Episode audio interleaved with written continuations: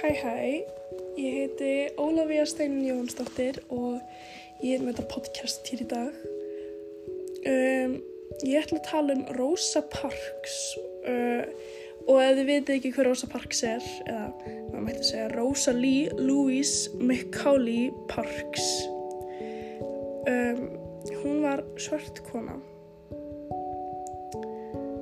og ég held að hún hafi Já, hún fættist árið 1913, 4. februar og bjó í Alabama í bandrækjanum. Það sem að gerði Rósu Park svona fræga var það að hún,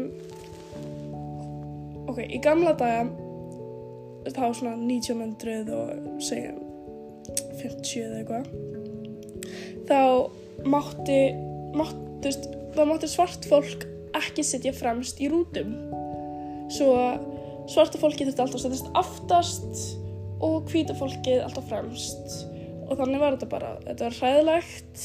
En þetta var þetta var, þetta var svo leis og hann að einn daginn þá, þú veist, Rósa er í rútu strætó með, með vinum sínum með hvað sem hann er að gera.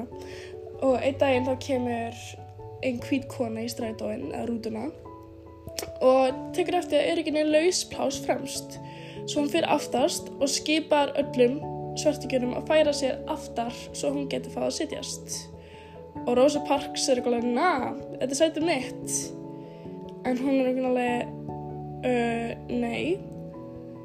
Sem að, já þú veist þetta var svona þú veist, hún var bara ok, þetta dæmið bendur á bara aðskilnaður aðskil, aðskilnaður á milli hvítra og svarta. Hún er bara hún er þekkt fyrir að neyta að standa upp fyrir hvítumanni sem að mér finnst vera ótrúlega flott. Þetta er svo núna í dag ef ég geti staðið upp fyrir okkur að leiðilega kettlingu ég geti það aldrei. En að það er alls ekki það sama. Alls ekki það sama. En já. Mér finnst þetta geggjað. Wow líka bara á þessu á þessum árum það leitur að erfitt. Og svona svona byrjaði þetta bara. Geggjað. Hérna er eitthvað smá frá Google ég er að lesa þetta bara. Þetta voruður á ennsku svo ef þau kunnið ekki ennsku skal ég bara uh, translata þetta yfir á íslensku. Ok.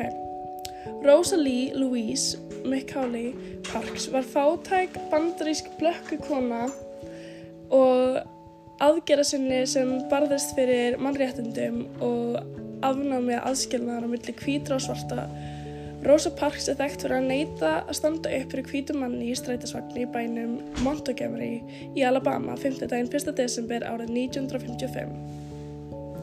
Herri, þetta er allt. Takk fyrir að hlusta. Bye bye.